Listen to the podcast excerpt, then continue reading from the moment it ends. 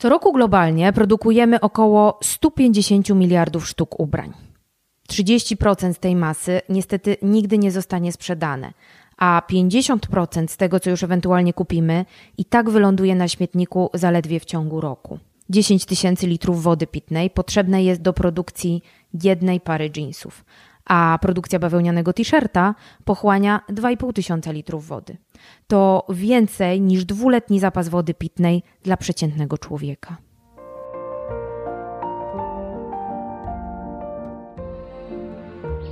Tu Ania Pięta z podcastu Mutatox. Razem z marką Electrolux zapraszam Was na podcast Klimatyczne Rozmowy, czyli rozmowy o tym, jak przedłużyć datę ważności naszej planety.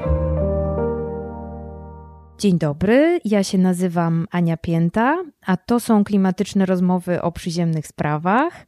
I dzisiaj będziemy rozmawiać o y, modzie, a w związku z tym y, zaprosiłam bardzo specjalną gościnię i bardzo specjalnego gościa. Moimi gośćmi będą dzisiaj Marta Karwacka, strateżka do spraw odpowiedzialnej mody i CSR-u, ale również ma swój bardzo fajny blog, który dzielnie od lat prowadzi How to Wear Fair i swoją firmę mm, doradczą o nazwie Sensa. Cześć Marta. Cześć, witaj. I Tomasz Osoliński, który o sobie lubi mówić, że jest projektantem i krawcem. Jak ustaliliśmy, zajmuje się tym tematem już no, blisko od 27 lat, więc y, na pewno ma też szeroką wiedzę na, na temat tego, jak ta moda się na przestrzeni lat zmieniała. Cześć Tomek. Witam wszystkich, dzień dobry. Dzień dobry. Dzisiaj, jak już się domyślacie po tym wstępie, będziemy rozmawiać o. Niektórzy uważają, że to jest trzeci najbardziej zanieczyszczający nasz świat przemysł, ale niektórzy mówią, że może drugi. Natomiast będziemy rozmawiać o modzie. To jest coś, co dotyczy nas wszystkich, ale nie wszyscy do końca wiemy, skąd te ubrania się biorą i jaka jest ich droga, zanim do nas dotrą.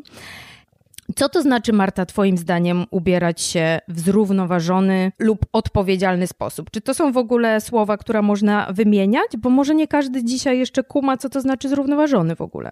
Wiesz co, e, tak, ja chyba wolę określenie, jak możemy odpowiedzialnie się ubierać, dlatego że e, jako e, pojedyncze jednostki mamy też ograniczone, możliwości bardzo często, żeby robić to w sposób zrównoważony, ale E, tak jak wiesz, ja się zajmuję tym tematem dosyć długo, a w 2015 roku chyba podjęłam w sumie takie wyzwanie na blogu, żeby z konsumentami w ogóle rozmawiać o modzie.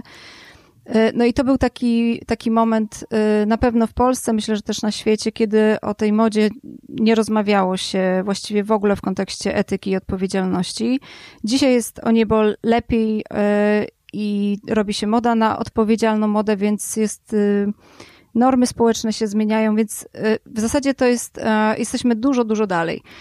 Jak ja to dzisiaj rozumiem, to ja przede wszystkim myśląc o odpowiedzialnej modzie i o odpowiedzialnym ubieraniu się, e, to przede wszystkim mi przychodzi do głowy to, żeby myśleć, co ty nosisz i w co się ubierasz, żeby, o ile to możliwe, rezygnować z bycia pionkiem w grze przemysłu odzieżowego, E, jestem za tym, żeby cieszyć się modą, bo ja, ja naprawdę bardzo lubię modę i był taki moment kiedyś w moim życiu, kiedy bardzo chciałam mm, tą modę obserwować, ale potem to się zmieniło. Mam wrażenie od chyba roku, tak sobie uświadomiłam, że ja znowu zaczęłam się cieszyć modą. To znaczy jest coraz więcej marek, które e, rzeczywiście gdzieś tam odpowiadają moim wartościom, które są, e, o ile to możliwe, transparentne, które mm, one są najczęściej oczywiście małe, e, więc to są marki albo właśnie projektanci, z którymi ja mogę mieć kontakt jako klient. E, I wydaje mi się też, że każdy, każda osoba musi sobie, sobie samodzielnie odpowiedzieć na pytanie, e, jakie wartości są dla mnie ważne, które obszary tej odpowiedzialności są dla mnie ważne, bo są osoby, które są weganami i na przykład przekładają też tę tematykę na, na ubrania, więc wtedy pewnie szukają wegańskich ubrań. Są osoby, którym bliskie są tematy związane z e, jakością życia osób szyjących ubrania, e, więc wtedy takich informacji będą szukać. Więc chyba sprowadza się to wszystko do tej świadomości i do myślenia tego, kogo wspieram i chcę wspierać i jakie wartości chyba nosić na sobie. I ja myślę, że dzisiaj rzeczywiście, kiedy myślimy o odpowiedzialnej modzie. Ja mam przynajmniej coś takiego, że ja e, chyba całą swoją garderobę, którą mam, to jest wyraz czegoś. To znaczy, nawet jak to jest golf, który mam 20 lat ten sam, to, to ja się z niego nadal cieszę. To znaczy, to jest ubranie, które e, jestem dumna, że ono przetrwało jakby tyle czasu. Jeżeli to jest e, płaszcz od projektantki czy projektanta, to też się cieszę, bo to jest coś, co z jednej strony mnie zachwyca jako e, jako, no tak, jako sztuka chyba i dzieło, bo, bo to są rzeczy unikalne. Z drugiej strony wiem, że też chcę wspierać ludzi, którzy tworzą coś z sercem i, i, z, i z pasją i z tymi swoimi umiejętnościami. Jeśli to jest coś z second handu, to z kolei czuję radochę też dlatego, że E, że udało mi się znaleźć po prostu, tak? E, coś ciekawego, więc e, tak, więc, więc generalnie to chyba myślę, o, o, cały czas mi przychodzi do głowy ta świadomość i myślenie o tym, kim ja jestem w przemyśle odzieżowym i jaką rolę ja chcę tutaj pełnić. No dobra, będziemy później to rozdzielać jeszcze na czynniki pierwsze, bo powiedziałaś dużo ważnych rzeczy tutaj, ale w takim razie chciałabym teraz włączyć Tomka do naszej rozmowy, bo ty jesteś na rynku naprawdę, muszę powiedzieć, z podziwem na to patrzę, jak ta marka cały czas twoja jaką trzyma jakość i w designie, i w ogóle w materiałach. Natomiast no też tworząc już od 27 blisko lat, o czym rozmawialiśmy, no to jak ty dzisiaj widzisz te zmiany, jakie nadeszły dla mody, czyli zrównoważenie mm, tak trochę z daleka i jak generalnie o tym myślisz w swojej marce? Co z tych wartości, może o których powiedziała Marta, albo jeszcze innych jest dla ciebie najbliższe i jak też widzisz, że ta twoja marka musiała się zmienić w kontekście tych zmian, jakie, jakie w ogóle nadeszły dla przemysłu modowego? Prosty, klarowny sposób to wyjaśnić. Mianowicie, moja babcia mawiała bardzo piękne zdanie. Biednego na tanie rzeczy nie stać. Dla mnie inwestycją w ubranie jest też inwestycja i w ekologię, i we wszystko to, o czym moja przedmówczyni powiedziała. Mianowicie, warto wydać więcej na dobrą jakość ubrania, które będzie z nami dłużej, które można naprawić, w odpowiedni sposób dbając o nie, będzie można przedłużyć mu życie, a niekoniecznie kupować co chwilę czegoś nowego. Dla mnie myślenie o modzie zrównoważonej to jest myślenie bardzo o tym, co kupujemy i dlaczego to kupujemy. Podam taki prosty przykład. Kiedyś szyłem sobie bardzo dużo garniturów, bo podobała mi się jakaś tkanina. Przyszedł taki moment, że musiałem e, podjąć to wyzwanie i zrobić remanent w szafie. Okazało się, że bardzo dużo z tych rzeczy, które mam, do siebie nie pasują. Czyli każda jest od sasa do lasa. To było wiele lat temu. I to mnie też natchnęło do tego, żeby wybierając nowe ubrania, nowe koszule, nowe marynarki, spodnie i tak dalej, tak o nich myśleć, żeby się dało je łączyć z innymi ubraniami. I efekt tego jest taki, że koszule, które sobie szyłem 7-8 lat temu, noszę nadal i bardzo je lubię, w odpowiedni sposób o nie dbam, ale przede wszystkim są one uszyte z bardzo dobrych tkanin. I te tkaniny, pomimo że mm, są często noszone, nic się z nimi nie dzieje. Moją ukochaną koszulę smokingową e, mam chyba 10 lat i nie mam potrzeby kupowania nowej bo jest ona wykonana z dobrej tkaniny. Dla mnie myślenie też o modzie zrównoważonej to jest też to, że ja na przykład do swoich projektów nie używam tkanin stokowych, tkanin wyciągniętych gdzieś tam skądś, tylko zawsze mam tkaniny i dostawców, których mam sprawdzonych. Czyli wiem, że jeżeli kupuję wełnę na garnitur dla klienta, nie wiem, w Loropianie na przykład, to wiem, że to jest najwyższej próby materiał i ten klient będzie z tego zadowolony. Podam taką śmieszną anegdotkę. W ubiegłym roku odwiedził mnie klient, któremu szyłem garnitur 14 lat temu. I tak się szczęśliwie złożyło, że ten katalog, z którego wybierałem tą tkaninę, miałem nadal, bo bardzo lubiłem te tkaniny i tak sobie troszeczkę to na pamiątkę zostawiłem. I klientowi przetarły się spodnie przy kieszeniach. I mówi, panie Tomku, chciałbym dalej nosić ten garnitur. To jest poważny biznesmen, często nosi ten garnitur, oddaje go do pralni i tak dalej czy my możemy coś z tym zrobić, bo nie chciałbym go wyrzucać. No i ja wyciągam ten stary katalog tkanin i okazuje się, że ta tkanina, jasny, szary kolor, który tym bardziej mógł się bardziej poplamić, stracić kolor i tak dalej, nadal wygląda tak samo po 14 latach jak ta próbka, z którego to było wybierane. Czyli innymi słowy, wybierając rzeczy dobrej jakości, też chronimy środowisko, bo nie wyrzucamy tych rzeczy, mamy je dłużej. Kiedyś w ogóle przed wojną płaszcze się szyło na przykład tak, żeby można było je rozpróć i tkaninę wykorzystać z drugiej strony. Więc to są takie trochę stare patenty, ale one są naprawdę bardzo sprawdzone. Zaś co do samej mody ekologicznej i do na przykład ekologicznych, recyklingowanych wełen a, i tym podobnych rzeczy, jestem troszeczkę sceptyczny, ale myślę, że o tym później porozmawiamy.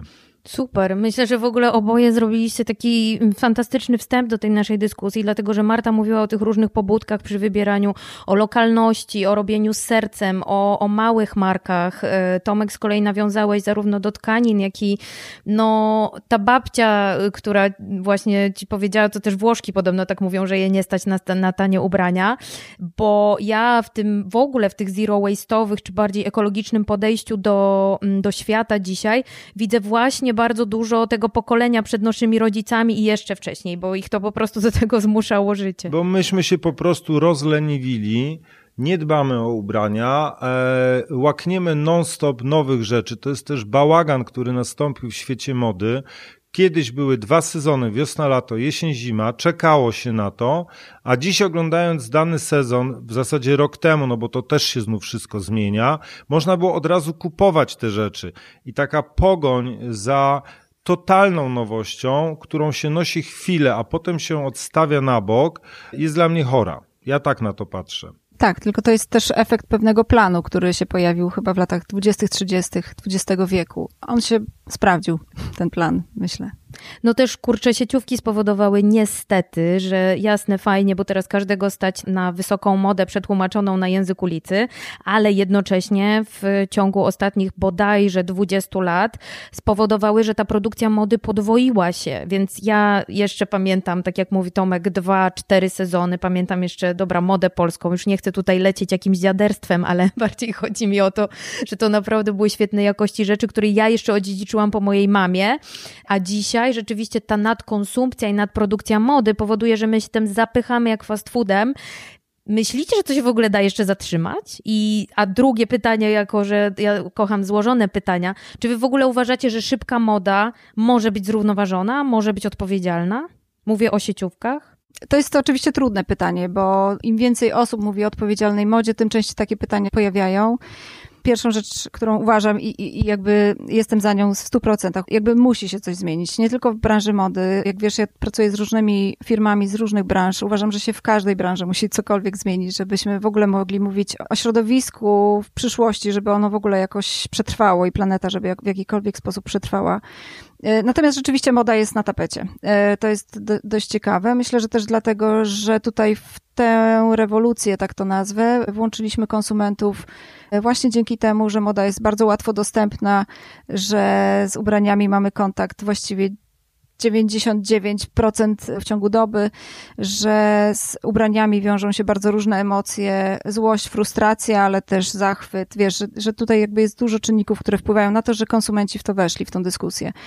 Uważam też, że żeby dokonały się ogromne zmiany, a takie są dzisiaj potrzebne, muszą być zaangażowane globalne marki. Czyli bez zaangażowania jakiegokolwiek, chociaż ja zawsze liczę na duże kroki, trudno jest mówić o odpowiedzialności w ubieraniu się z konsumentami w masowej skali. Bo na razie oczywiście tych osób jest coraz więcej, ale jednak wiemy, że jest to pewna bańka. To, co ja zauważyłam na przestrzeni lat, to rzeczywiście, że coraz więcej ludzi mówi o odpowiedzialnej modzie, coraz więcej osób zaczyna korzystać z second handów, z ubrań drugiego obiegu, co więcej, coraz więcej marek zaczyna włączać ubrania swoje, które odkupuje albo odzyskuje od klientów i je włącza do drugiego obiegu, że rynek second hand rośnie w zastraszającym tempie jego wartość. Więc to jest na pewno zmiana, która ja jestem przekonana o tym, że to, że, że to konsumenci zrobili, że w żadnej innej branży nie widzimy takiego ruchu, bo tam po prostu konsumentowi trudniej jest tą alternatywę znaleźć, to inne zachowanie.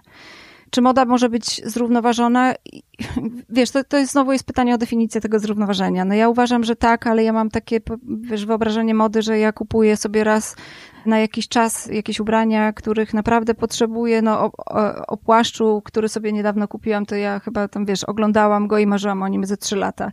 Ale... Nie, wiesz co Marta, bardziej chodzi mi o to, czy sieciowa moda, czy sieciówki, czy ta duża moda na, duża moda, w sensie masowa moda, na, która nadprodukuje nam ciuchy i to wiemy już dzisiaj, czy jak oni nam mówią, że są zrównoważeni, to co? To nie, ja... no dzisiaj nie, dzisiaj nie uważam, że oni są zrównoważeni, to znaczy jeżeli ktoś nadprodukuje, no to nie, no jeżeli ktoś pali ubrania, to nie jest zrównoważony. Wiesz, to jest potężna jakby rzeczywiście machina i, i potężne problemy, które e, i wyzwania, z którymi się duże marki borykają. Myślę, że w wielu przypadkach też nie zauważają w wielu obszarach tej odpowiedzialności i braku odpowiedzialności, bo po prostu przez kilkadziesiąt lat w ten sposób e, funkcjonowały. Na szczęście mamy konsumentów i organizacje pozarządowe, które e, sygnalizują, że jest wiele rzeczy, jakby wiele rzeczy i spraw nie działa tak, jak powinno ja myślę, że przed nami jeszcze jest długa droga, to na pewno. To jest tak, że to, co mnie cieszy, to rzeczywiście pojawienie się małych marek, pojawienie się potrzeby na korzystanie z rzemieślników. Jakby druga strona medalu jest taka, że tych rzemieślników jest coraz mniej i, i ciężko znaleźć ale właśnie są, są projektanci, którzy, mam wrażenie, odzyskują też tą swoją markę w tym sensie i znaczeniu, że, że ludzie zaczynają ich zauważać i też doceniać to, że nawet jak te ubrania są droższe, no to może warto po prostu w to zainwestować.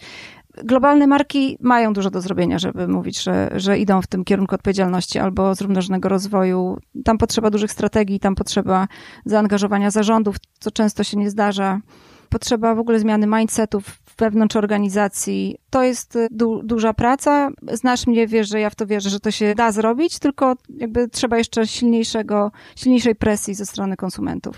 No to dobrze, to akurat mamy tutaj projektanta, który może powiedzieć, jak to wygląda z jego perspektywy. Czy rośnie na przykład świadomość wśród klientów i twoich klientek tego, że jednak, nie wiem, więcej pytają o te materiały? Oczywiście prawdopodobnie w przypadku twojej marki są już przyzwyczajeni do tej dobrej jakości, ale być może coś się zmienia. A druga część tego pytania jest taka, czy takiej marce jak twoja, jest właśnie łatwiej się dostosować, dlatego że no nie ma tak wielu poziomów, y, leveli produkcji i, i, i po prostu tysiąca ludzi zaangażowanych, tylko jest to łatwiejsze dzięki tej niewielkiej skali do, mm, do skontrolowania i do, do przepracowania czy przemodelowania ewentualnego. Ja jako dinozaur e, pamiętam te czasy lat 90., Pamiętam, kiedy w tym kraju było gigantyczna ilość wspaniałych fachowców, ludzi, którzy potrafili robić dobre ubrania, którzy chcieli się tego uczyć i to, co powiedziałaś wcześniej, że młodzi projektanci teraz tam próbują i tak dalej.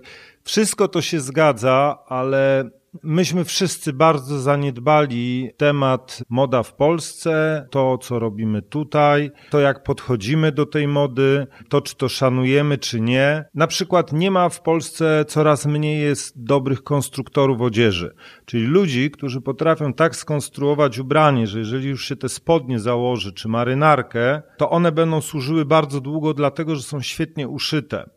Bardzo dużo młodych projektantów nie wie, jak powinno być dobrze uszyte ubranie, bo nie mieli się gdzie tego nauczyć, nie mieli jak tego obserwować. Szwalnie, które im to szyją, często szyją to w straszny sposób, bo ja to niestety wszystko oglądam, patrzę na to i czasami się zastanawiam, jakim prawem ktoś w ogóle za taką szmatę czyli nadprodukowywanie źle zrobionych ubrań, chce jeszcze płacić pieniądze. Sam proces powstawania ubrania w sytuacji, kiedy mówimy o pracowni, takiej jak moja, gdzie jest konstruktor, gdzie jestem ja, gdzie są moje krawcowe, to jest rzecz bardzo droga bo ci wszyscy ludzie muszą na to wszystko, e, no to jest proces, to, to tego się nie robi od tak. Pytanie jest czy, też, czy nazywamy projektantami ludzi, którzy trzepią bluzy, e, które mają nadruki, czy nazywamy projektantów ludźmi, którzy trzepią bluzy dresowe i dresy i tylko kolory tego wymieniają? Czy nazywamy projektantów ludźmi, którzy potrafią zrobić ubranie na wymagającą figurę, na skroić to ubranie, wiedzą jak się za to w ogóle zabrać? Ja podejrzewam, że za dekadę może już naprawdę być bardzo ciężko, bo też ta moda, leniwa moda, która zafunkcjonowała od kilku lat, czyli wszystko jest oversize'owe i bezkształtne, powoduje, że z jednej strony czujemy się w tym wszystkim wygodnie, ale też się rozleniwiamy. Ubranie już nam w ogóle w niczym nie przeszkadza, ale co za tym idzie? Ktoś, kto będzie umiał skroić dobrą męską marynarkę lub damski żakiet lub dobre spodnie, za chwilę tej osoby nie będzie, bo teraz nie jest potrzebna, bo ludzie nie mają takich wymagań. Ja wiele razy obserwowałem projekty dobrych polskich marek, uznanych, może tak powiem, przez opinię publiczną, które były dramatycznie wykonane, ale były tak wykonane dlatego, że ci ludzie nie wiedzą, że mogą być dobrze wykonane. Ja podaję taki bardzo prosty y, przykład. Alexander McQueen, kiedy zaczynał, on się uczył szyć marynarek na Seville Row, ale nie po to, żeby szyć te marynarki, tylko po to, żeby mm, wiedzieć, co z nimi później zrobić, jak je przerobić i jak wyjść od tej dobrej podstawy. A dzisiaj młodzi ludzie to, co chcą robić, to sprzedawać bluzy, e, lśnić jako projektanci, e, a tak naprawdę nie chcą tego robić, nie chcą w tej ciężkiej pracy uczestniczyć. To jest absolutnie bardzo wymagający zawód. Tutaj e, nie można odpuścić na sekundę. Weźcie teraz wytłumaczcie ludziom, e, którzy dostają około 45 pre po, post i tak dalej, dodatkowych dropów od sieciówek, że mogą mieć jedną bluzę na trzy lata. Ale, ale to jest bardzo ja... prosta rzecz mhm. a propos sieciówek. Ja już się dawno temu na tym złapałem. E, powiedzmy umownie, do końca lutego wisi kolekcja jesień-zima w dużej sieciówce, tak? No i tam sobie wszyscy wybierają, kupują, później są przeceny i tak dalej. I 1 marca, też mówię to umownie, wjeżdża nowa kolekcja. Czyli to, co wczoraj widzieliśmy w sklepie, te setki ubrań gdzieś wylądowały, bo się nie sprzedały wszystkie, ale już wjechały nowe. I nie ma outletów y, tych dużych sieciówek, tylko są jakieś sztendry wbite w kąt, które mają jeszcze te przeceny po bardzo niskich cenach. Druga rzecz, jeżeli coś w pierwszej cenie kosztuje powiedzmy 300 zł, a na przecenie jest sprzedawane za 30 zł, to jaką to realną musi mieć wartość? Oczywiście marża jest potrzebna i tak dalej, i tak dalej, ale jaką to w ogóle musi mieć wartość, że oni sobie na to mogą pozwolić? Bo gdyby to był drogi materiał, droga igła, przemyślane, super jakość, to nikt tego tak nisko nie obniży, bo musiałby to z darmo rozdawać i dopłacać do tego. No to jest w ogóle znowu temat, y, słuchajcie, za co my tak naprawdę płacimy i jaka jest, y, jaka jest wartość, ale jaki jest ten ukryty koszt też tych ubrań, bo to, że coś jest taniego ostatecznie i w, te, w tej sieciówce po prostu ostatecznie ma tą cenę 40 czy 50 czy nawet 150 zł, mm, to dodatkowo ma te koszty ukryte, które są zrzucone no, na planetę i na nas jednocześnie, no bo to są koszty zmarnowanej wody w nadmiarze, y, nie wiem, wyprodukowanych poliestrów z, z, z ropy naftowej i tak naprawdę ogromnego zanieczyszczenia, mm, które idzie również do powietrza ale jakby ciągnąc ten wątek dalej, a spróbując podsumować. Ja bym jeszcze. No, mów Tomek. Ja bym jeszcze, bo drugi raz poruszyłaś temat wody. Coś, co mnie ujęło z 15 lat temu, kiedy wizytowałem jedną z większych i ważniejszych fabryk produkujących tkaniny we Włoszech, północne Włochy to uderzyła mnie jedna informacja wtedy, ale to było naprawdę bardzo dawno temu, gdzie słowo moda zrównoważona nie funkcjonowało. Oprowadzając nas po tej fabryce, powiedział jeden z tych panów taką rzecz, że Dlatego te fabryki też są w północnych Włoszech, bo tam są czyste wysoko rzeki. I woda z rzeki, która wpływa do fabryki po to, żeby produkować wełnę, oczyszczać ją i tak dalej, i tak dalej, ta sama woda musi oczyszczona z powrotem wrócić wypłynąć z tej fabryki. I to jest dla mnie myślenie o modzie zrównoważonej też i o tym, jak się produkuje tkaniny. Ja sobie zapodałam taki detoks ciuchowy w ogóle ponad dwa lata temu już, znaczy postanowiłam dla mm, próby nie kupować nowych ubrań najpierw przez miesiąc, potem przez dwa i minęło już 26 miesięcy chyba i ubieram się swobodnie w drugim obiegu, szukając sobie też takich, wiecie, y, dobrych jakości z tego drugiego obiegu, to znaczy też w komisach, kupując ubrania, na które normalnie by mnie nie było na przykład Czy są jeszcze komisy? Są jeszcze komisy, tak, są. I to całkiem, całkiem, całkiem niezłe. w Warszawie, tak. Ale poczekajcie, chciałabym spróbować podsumować jakoś to, co powiedzieliście oboje mm, do tej pory, bo Marta wymieniła tutaj na samym początku mnóstwo wątków związanych z tym, żeby wziąć pod uwagę w tej odpowiedzialności, czy w tym zrównoważeniu, już się zgodziliśmy, że traktujemy te terminy wymiennie, kilka aspektów, czyli jeżeli ktoś jest na przykład weganinem, weganką, to będzie myślał myślał o tym, żeby te rzeczy nie powstawały ze szkodą dla zwierząt, ani też nie miało jakichś odzwierzęcych składników i będzie na to zwracał uwagę. Drugim aspektem może być właśnie ta jakość świetna, o której mówi Tomek i to, że to ubranie ma nam starczyć po prostu na lata, a nie na lato. Trzeci aspekt to jest w ogóle dbanie o te ubrania i tutaj zaraz będę znowu pewnie Tomka o to dodatkowo pytać. Wybieranie też materiałów. Nie chodzi o to, że trzeba być chodzącą encyklopedią, która zna te materiały doskonale, ale gdzieś tam też spróbujemy może przejść do jakichś kilku wybranych materiałów, które szczególnie na przykład polecacie. Trzeci aspekt, który się tam, który się chyba u nas pojawił, no to jednak to, że z tymi sieciówkami dzisiaj i z ich zrównoważeniem jest ciężko, więc być może lepiej to wybierać już y, u lokalnych, w miarę znajomych nam marek. A czwarty to są ludzie, którzy za tym stoją i jak są do tego profesjonalnie też przygotowani. Tomek poruszył też aspekt tej, tej leniwej mody i tego, jak, jak ona też popsuła w ogóle jakość mody. Więc y, czy wy jeszcze byście coś do tego dodali, do, tych, do tego aspektu zrównoważenia odpowiedzialności?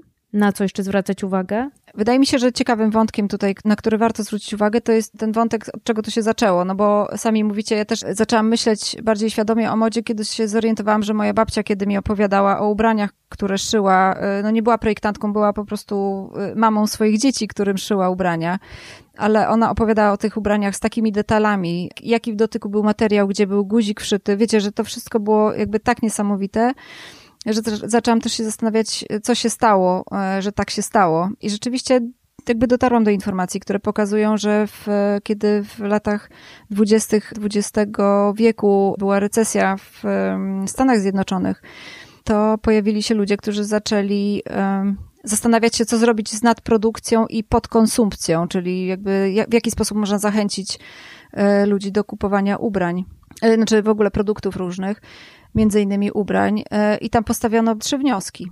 Trzeba po pierwsze produkować ubrania zużywane, a nie wielo, wiele lat używane czyli one mają być po prostu gorszej jakości. One, one się mają zużyć jak pasta do zębów czy biszkopty, po prostu.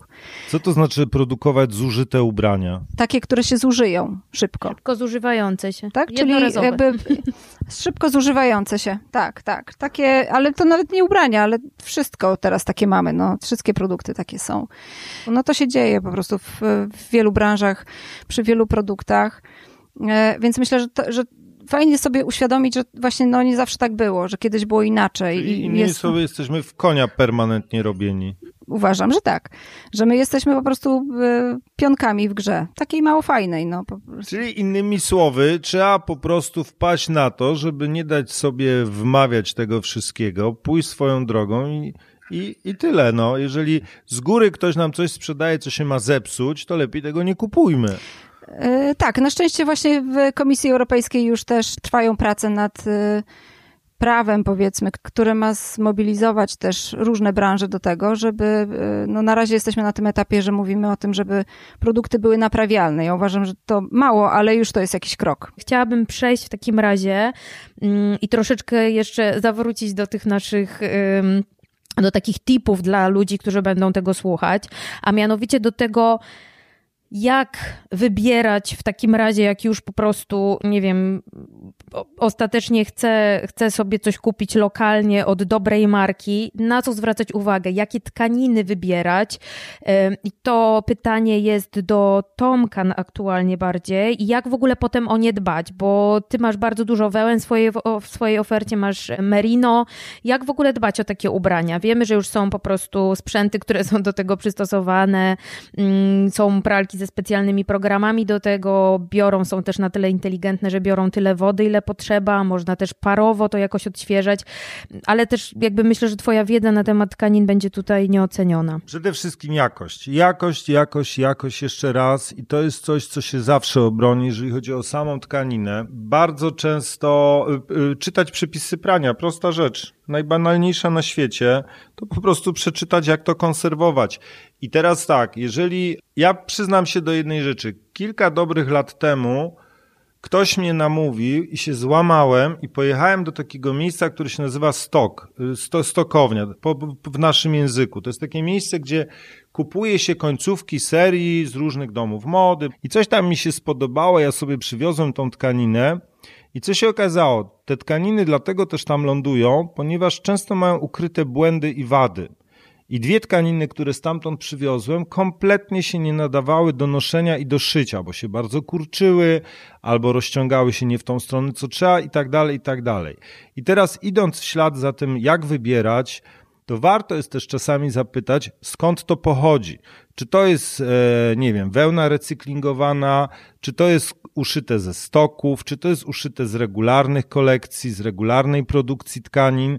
To jest droższe. Nie ma co e, ukrywać, ale jednak na koniec dnia to ma bardzo duże znaczenie, bo jeżeli klient u mnie zamówi garnitur, płaszcz, nie wiem, cokolwiek e, i coś się stanie z tym materiałem, to ja wiem, gdzie go reklamować. Ja wiem, który producent mi to sprzedał i on mi musi dać gwarancję. Ja byłem w bardzo ciężkim szoku dwa lata temu. Realizowałem jakiś duży projekt zbiorowy i pomiędzy sezonami potrzebowałem tkaninę na e, sukienkę damską i zgłosiłem się z prośbą o pomoc w dostawie i w wyborze do znajomych w bardzo dużej firmie odzieżowej. Ta firma już niestety nie istnieje. I oni mi dali, wskazali mi e, tam jakiegoś dostawcę, u którego oni tysiące metrów na tysiące sztuk e, zamawiają jakiegoś artykułu e, tkaniny w różnych kolorach i to się sprzedaje jak świeże bułeczki. Tylko ja niestety jestem jaki jestem. Kupiłem kupony i zanim chcąc sprzedać ubranie sygnowane moim nazwiskiem, muszę to przetestować. Czyli na przykład oddać to do bardzo dobrej pralni chemicznej, żeby pani, która to sprawdzi, czy ta tkanina nie puszcza koloru, czy ta tkanina się nie mechaci i tak dalej, i tak dalej. I ilość ukrytych wad w tej tkaninie, którą firmy w Polsce kupują po prostu na tysiące metrów i sprzedają to ludziom, e, była kolosalna. Myśmy nie mogli tego użyć, bo wiem, że ja nie dałbym na to gwarancji. Co za tym idzie? Te firmy, sprzedając te sukienki, które fajnie wyglądają i wszystko się dzieje, one po jednym sezonie się do kosza na śmieci nadają.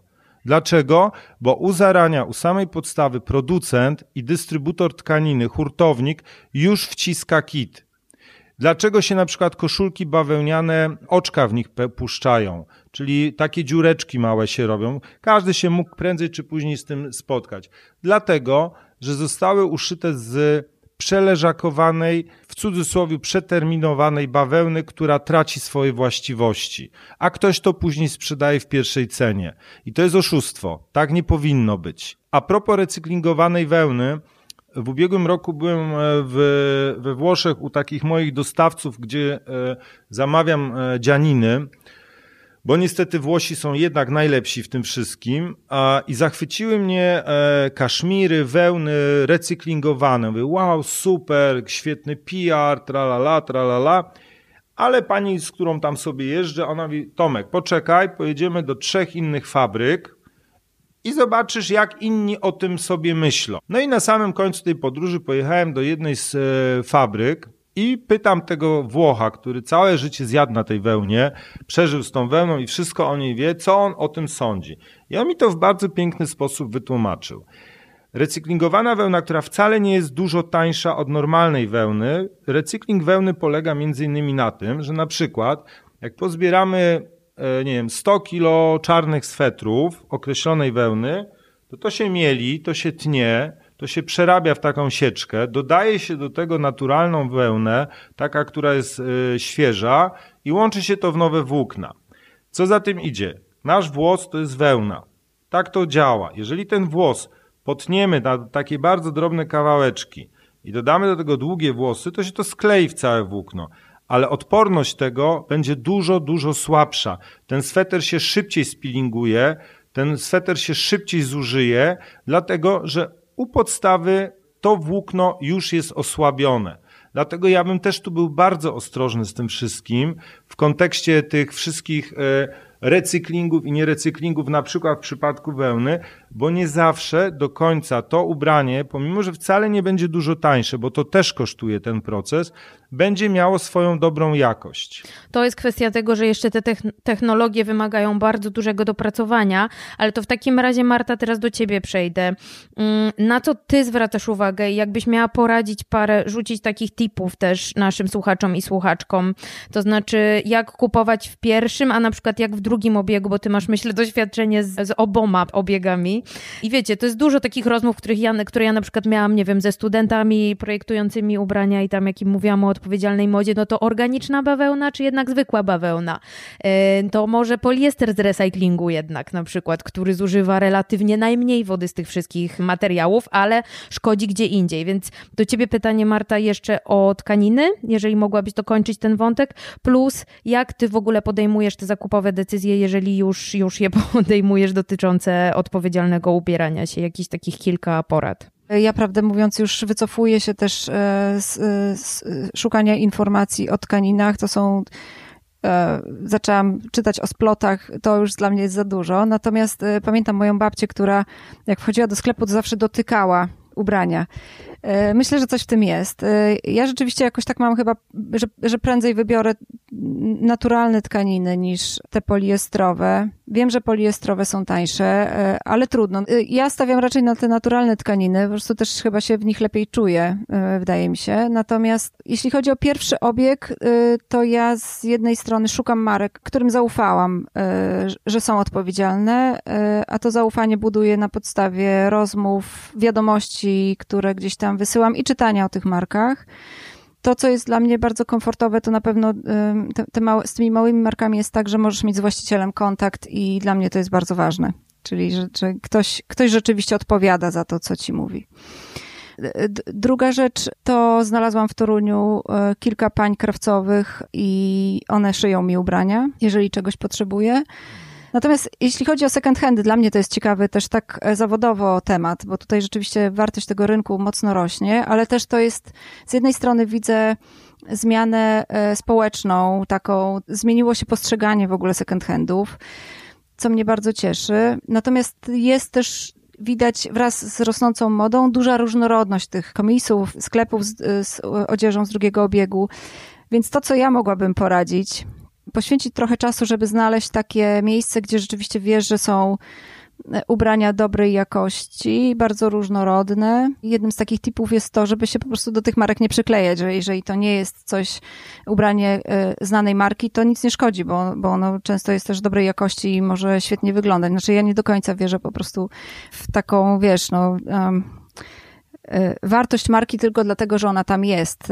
Y, za tym coś musi iść. A jeżeli chodzi o certyfikaty, Marta, czy ty masz jakieś takie, którym szczególnie na przykład ufasz, jak widzisz na metce? No bo oczywiście są ekoteksy tak zwane. Myślę, że dużo słuchaczy i słuchaczek mogło się z nimi zetrzeć y, na przykład przy pościelach czy ubrankach dla dzieci. No ale jest też GOC, który wcale nie jest taki łatwy do zdobycia, więc powiedzmy jakieś tam mm, restrykcje i, i trudności w jego, w jego osiągnięciu za tym stoją. Czy jest jeszcze coś, y, co ty byś dodała tutaj do tego tematu certyfikatów? Kierujesz się w ogóle tym przy wyborze marek? Chyba nie do końca, bo właśnie dla mnie chyba jest y, coś innego ważne. To znaczy, super, mam rzeczywiście torby, które y, przeszły długą drogę, żeby zdobyć certyfikat PETY. Wiem rzeczywiście, że to są trudne procesy. Oczywiście to jest coś dodatkowego, co mnie skłania do zakupu, ale to musi być wtedy, kiedy ja naprawdę czegoś potrzebuję. Jeżeli to jest ubranie, które mi się bardzo podoba, jeśli ja rzeczywiście wierzę, że różnych innych aspektach to jest marka etyczna. Jeżeli ma dodatkowo GOC, no to super. Więc jeszcze raz spróbuję, słuchajcie, podsumować. Starajmy się używać, jest takie powiedzenie, że to, co najbardziej zrównoważone, odpowiedzialne, to jest to, co mamy już w szafie. to już jak, jak pacierz po prostu wiadomo. Yy, I jak najdłużej po prostu dbajmy o te rzeczy, które mamy. Yy, dwa, to właśnie reperujmy, dbajmy o te ciuchy, nie przegrzewajmy na przykład naszych pralek. 30 stopni to jest naprawdę wystarczająca, wystarczająca temperatura, żeby, żeby wyprać yy, większość Mam rzeczy. bardzo prosty patent, jeżeli mogę się tutaj włączyć. Proszę bardzo. Ja się wychowałem na Śląsku gdzie pracowano dużo w kopalniach i paliło się w piecu. I może zanim użyje się właściwego programu, czasami warto jest po prostu w zimnej wodzie z proszkiem namoczyć ubranie. Tak się kiedyś prało. I wtedy te ubrania odzyskują absolutnie swoją biel. a przy dobrej pralce jeszcze to później będzie łatwiejsze. Ja zawsze to powtarzam moim klientom, że jeżeli mają marynarkę, panie lub panowie, i ona się zabrudzi i nie jest to tłusty brud, czy czerwone wino na przykład, to warto jest tym samym rodzajem materiału potrzeć, żeby zetrzeć. Tak kiedyś dbano o ubrania, że, nie, że ta pralnia chemiczna, która jednak z samej nazwy jest tą chemią, to jednak, żeby to było już tak na końcu. Też im więcej mamy ubrań dobrej jakości, i je zmieniamy i je nosimy, tym mniej one się zużywają. To jest też tak jak z dobrymi butami. Jeżeli się zainwestuje w dobre buty i trzyma się na prawidłach, dla młodych słuchaczy to są takie drewniane wkładki, które powodują, że skóra się odkształca, to te buty mogą latami służyć, e, a nie trzeba później kupować szybciutko nowych. Instytucja szewca dla niektórych zapomniana i abstrakcyjna, jest doskonałą instytucją, gdzie można naprawiać buty, a niekoniecznie je wyrzucać. Jeszcze raz, słuchajcie, żeby zamknąć ten odcinek takimi tipami, to używajmy tego, co mamy, dbajmy o te ubrania, reperujmy je jak najdłużej, dbajmy o to w praniu, suszeniu i czyszczeniu, tak, żeby temu nie zrobić po prostu krzywdy i też no, przyglądajmy się tym ubraniom po prostu trochę bardziej. Jeżeli się uda, to może sobie coś uszyjmy, dla tych, którzy mają trochę więcej czasu i chcą być ubrani jeszcze bardziej oryginalnie niż cała reszta, nie chodzić jak czyjaś kopia. Jeżeli nie, to kupmy z drugiego obiegu, a jeżeli nie, to kupmy po prostu dobrze u lokalnej marki lub u lokalnego projektanta, którego znamy, z którym jesteśmy w stanie, y, jesteśmy w stanie pogadać i, i trochę lepiej tą markę poznać. I wiemy, że za tym stoją ludzie, którzy się na tym znają i ludzie, którzy biorą odpowiedzialność też za te rzeczy. Mm, no, a znowu, jeżeli kogoś na to nie stać, y, na przykład, chociaż tak jak zaczęliśmy, nie stać nas na ubrania złej, y, złej jakości, mm, gdyby patrzeć trochę bardziej długofalowo, no to zawsze można się wymienić, może poczekać, aż, aż po prostu znudzi się to koleżance i zaproponować jej za jakiś czas, że to się od niej odkupi. E, lub jeżeli to jest na przykład ubranie potrzebne nam tylko na raz, na jakąś wielką okazję, to może można to po prostu od kogoś pożyczyć. Ja tak robię, przyznaję się, jak mam jakieś wyjście, to pożyczam od moich koleżanek, które mają podobną stylówkę i to się sprawdza. Potem się okazuje, że ta rzecz nie jest mi, e, nie jest mi więcej potrzebna. Coraz więcej jest konceptów, które pozwalają też wypożyczać ubrania i w tą stronę też będzie szła e, moda. Chyba tyle. Słuchajcie, nie wiem, czy chcecie jeszcze na koniec dodać, macie jakieś ostatnie myśli, żebyśmy po prostu jednak pozytywnie trochę to zakończyli? Ale ja myślę, że w ogóle to, że rozmawiamy, to jest pozytywna sprawa. To znaczy, wiesz, jeszcze pięć lat temu nikt o tym nie rozmawiał, więc e, dla mnie to jest, tak jak ci mówiłam nieraz, no dla mnie to jest ogromny, ogromna zmiana. E, tak, ja, ja chyba... Mm, to, co, co mi przyszło do głowy rzeczywiście w ostatnim czasie, jak sobie przeglądałam zdjęcia, e, nudząc się w kwarantannie, to, to to, że rzeczywiście ta moda zaczęła mnie znowu cieszyć i to jest takie fajne, moim zdaniem, że możemy, ja przynajmniej e, czuję dużo radochy z bawienia się modą, bo był taki moment, że e, nawet jak nieraz razem rozmawiałyśmy, że ta moda nas męczy, bo właściwie sobie wszystkiego musisz odmawiać, jeżeli chcesz e, żyć odpowiedzialnie i tak dalej. A teraz, e, w moim odczuciu przynajmniej, e, pojawia się wiele marek, które gdzieś tam mi odpowiadają w kontekście wartości, ale robią piękne rzeczy. Widać bardzo często w przypadku tych małych marek to są młodzi ludzie, którzy właśnie się nie boją próbować i nowych modeli biznesowych, nie boją się konkurować z globalnymi sieciówkami. I, I to jest chyba taka, taka rzeczywiście pozytywna, pozytywna zmiana. Wierzę, że ta kula śniegu już po prostu rośnie e, z każdą minutą już tak naprawdę i, i ludzi, którzy, którym będzie zależeć na jakości. Cały czas gdzieś mi ta jakość rzeczywiście e, kręci się po głowie. E, będzie coraz więcej, będą tej jakości w bardzo różnych obszarach wymagać od, od małych marek, ale też od dużych. Ja może tylko dodam, żebyśmy po prostu wszyscy bardziej rozważnie i z namysłem kupowali to, co chcemy sobie kupić. Tyle. Myślę, że to jest idealne podsumowanie tej rozmowy. Bardzo, bardzo Wam dziękuję. Moimi gośćmi byli Marta Karwacka, strateżka mm, do spraw CSR-u i odpowiedzialnej mody. Bardzo dziękuję. I Tomasz Osoliński, projektant i krawiec. Bardzo dziękuję za rozmowę. Bardzo, bardzo Wam dziękuję za tą e, dosyć emocjonującą rozmowę. A to były klimatyczne rozmowy o przyziemnych sprawach. Ja się nazywam Ania Pięta i będziemy się spotykać co poniedziałek, żeby rozmawiać z kolejnymi gośćmi i gościniami o różnych tematach dotyczących nas wszystkich i przede wszystkim naszego domu, jakim jest planeta Ziemia. Dziękuję bardzo.